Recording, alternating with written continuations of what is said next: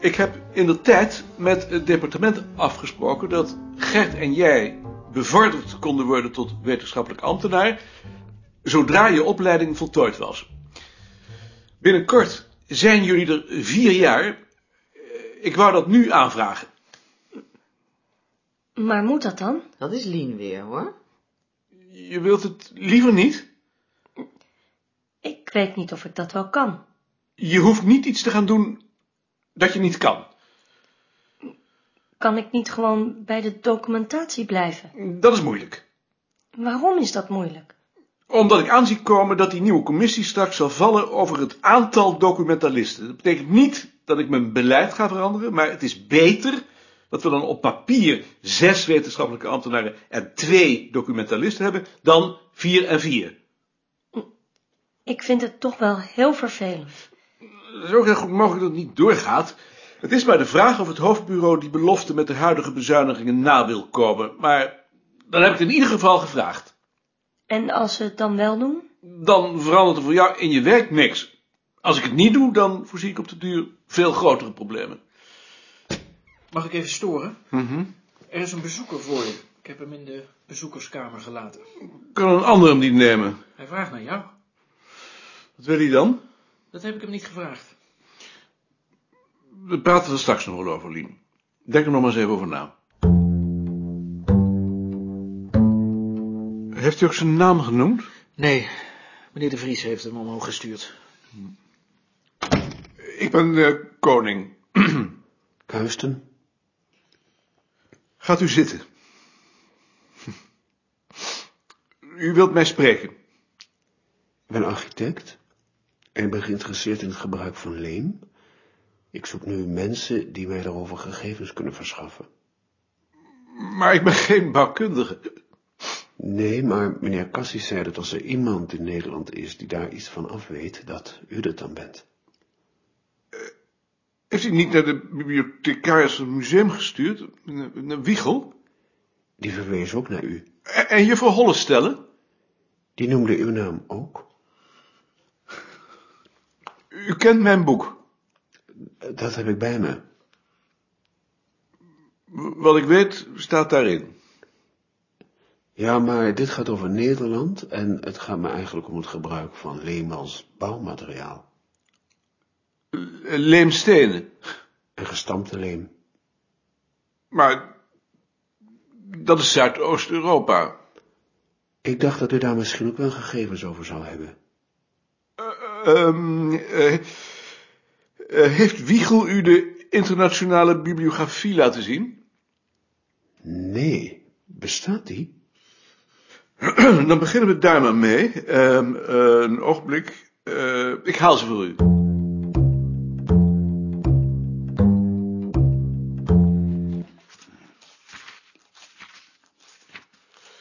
Hoe ze denken dat je op deze manier ooit nog aan je lezing toekomt, is me een raadsel. Ik denk dat je het wel leuk vindt. Denk je?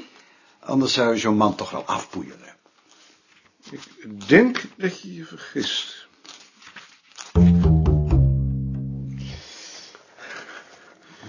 Als u hier eens mee begint, Ja. ehm, er zit een register in. U kijkt gewoon op leem, een H, ehm, L-E-H-M. en dan kijk ik nog even in mijn kaartsysteem naar wat er de laatste jaren verschenen is. Ja, oh, geweldig. Alsjeblieft. Leem. Leem. Lekken. Leem. Leem, heb je erover nagedacht? Als jij denkt dat het beter is voor het bureau, Voor het bureau is het in ieder geval beter. Ook als het niet doorgaat. dan hoop ik maar dat het niet doorgaat. Plattegrond van een Kom jij ook? Pannonisch huis. Eh, eh, ja, En de grond... Zal ik het voor jou eh, halen? graag. Omtrekken van de houten... Wilt u misschien een kop koffie? Ehm, ja, als dat kan. Suiker? Melk?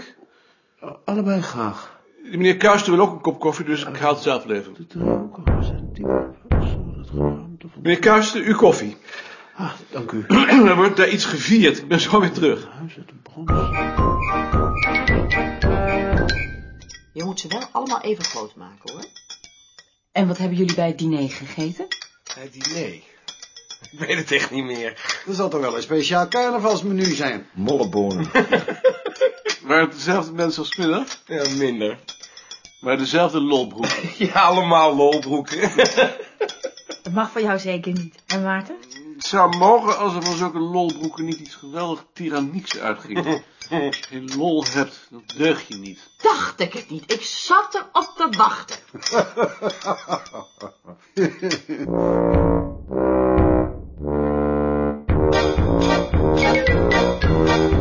Zo, kom maar binnen, kerel.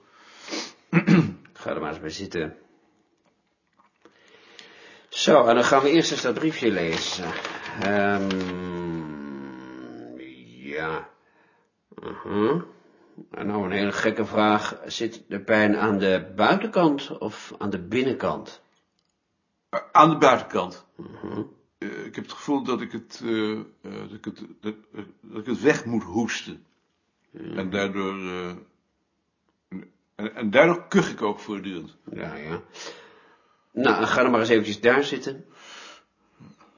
Nou, en mag ik ook vragen wat je doet in het dagelijks leven? Antropoloog. Dan moet je daarbij veel praten. Heel veel. Zo, even kijken. Nee, nee, nee, nee, is niet pijnlijk. Ehm ja, doe maar even open. Ja, goed. Ja, doe eens. Ah. Ah, ah, ah, ah, ah. Nou. I. I. Ja, nee, tong naar beneden. Tong naar beneden. Oh. Ja, ja, goed. Ja, ja. Mm. Ja. ja, ik zal toch maar een foto laten maken en daar gaan we dan eens saampjes naar kijken. Eh, uitstekend. Dag meneer Goeree. Dag, professor.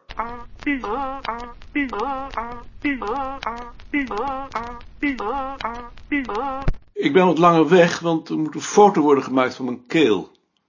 Wat heb je dan aan je keel? Het gevoel dat er iets zit. Denk je er nooit eens over na om naar een homeopaat te gaan?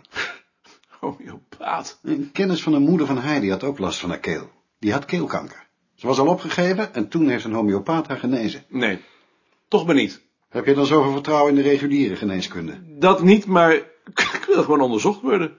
Als een machine. Tot straks dus. Ik ben wat langer weg, meneer de Vries, maar Muller is er, dus u kunt de telefoon aan hem doorgeven. Dank u wel, meneer.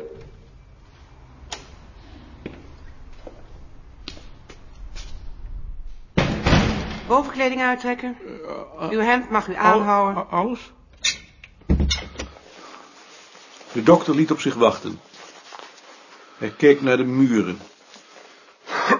En probeerde zich voor te stellen dat hij hier nog lange tijd moest zitten. Enkele maanden of jaren. Zou hij gek worden? Dat kon hij zich niet voorstellen. Hij keek naar zijn vingers, bewoog ze heen en weer en bedacht dat je altijd wat te denken hebt. De deur ging open. Het licht in zijn cel ging uit. En meteen weer dicht.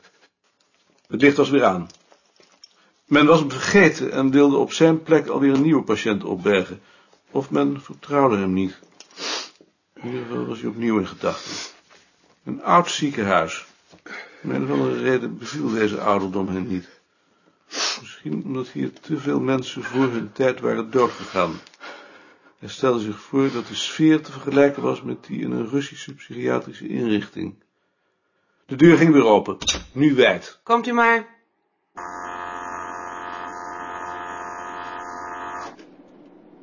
U mag zich nog niet aankleden. Daar zat hij weer. Hij keek naar zijn kleren. Zijn overhemd was gescheurd op de plaats van de broekriem. Hij probeerde het zo te hangen dat de scheuren minder opvielen als er onverwacht iemand binnen zou komen. Dat lukte niet. Er zaten overal scheuren. Hij gaf het op. En al die tijd blokkeerde hij de werkzaamheden. In de röntgenkamer was het in ieder geval doodstil. Dat duurde een minuut of vijf. De deur ging open. U kunt zich aankleden, maar u moet op de gang nog even wachten. U kunt door die deur. Dat heb ik begrepen. Goedemorgen. Goedemiddag.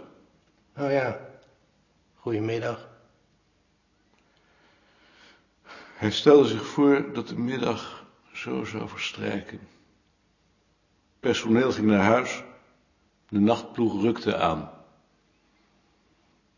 Wat gebeurde er als zo'n dokter opgehouden was? Een ongeluk had gehad. Misschien dood was.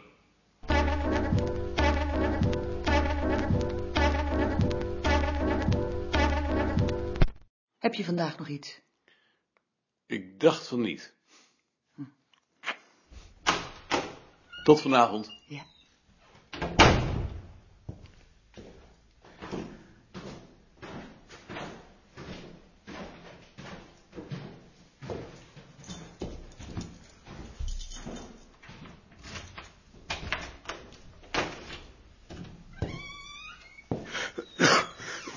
Hé, Ik was de vuilniszak vergeten. Hij liep de gracht af, stak de Raadhuisstraat over en keek in de boom bij de hoek van de Hartenstraat. Er zaten dit keer acht mussen. Misschien een oud nest? Over zoiets zouden etologen je moeten inlichten. Hij dacht er enige tijd over na, waarna zijn gedachten terugkeerden naar zijn lezing. De loodgieter zou gisteren komen. Ik heb de hele dag op hem zitten wachten. En toen belt hij er pas avonds om acht uur dat hij pas vanmiddag komt. Mag ik vanmiddag misschien wat vroeger weg? Want Henk moet ook naar zijn werk. Ik, ik zal het inhalen. Je hoeft het niet in te halen. Jawel, jawel. Ik haal het wel in. Neem dan wat werk mee naar huis. Nee, ik, ik haal het in. Goed. Doe het dan maar zoals je wilt. Met koning? Met Freek. Freek. Ik acht het mijn plicht om je ervan op de hoogte te stellen dat ik er ernstig over denk om aan het eind van de maand te stoppen met mijn werk aan de bibliografie. Hey. Ja, je lacht daarom. Nee, ik lag helemaal niet om. Het is mij echt ernst. Ik slaap er niet meer van. Je slaapt er niet meer en ik van. hou er helemaal niet van als er grapjes over worden gemaakt. Kun je me ook zeggen wat de reden is? Al- alleen als je me de verzekering geeft dat je daar niet over praat. Uiteraard. De belangrijkste reden is Richard. Richard. Het is niet alleen dat er niets uit zijn handen komt, maar hij maakt me bovendien gek. Ik wil niet langer met die man samenwerken. Eh, maar als we Richard nou eens ander werk geven... Ja, maar dan begrijpt hij dat ik over hem geklaagd heb en dat wil ik dus niet. Op het ogenblik is hij ziek. Ehm zou ik nog eens met Jaring overleggen of we hem ander werk kunnen geven zonder dat we jou daarin Ja, betrekken? maar dat is dan wel jouw verantwoordelijkheid. Daar wil ik niks mee te maken. Nee, dat is mijn verantwoordelijkheid. En eh, dan weet ik nog niet of ik er wel mee door wil gaan, want het zit me langzamerhand tot hier. Dat zien we dan wel weer. Goed op, op die voorwaarden. Je weet nu hoe ik erover denk. Ik weet het. In ieder geval bedankt. Dag Freek.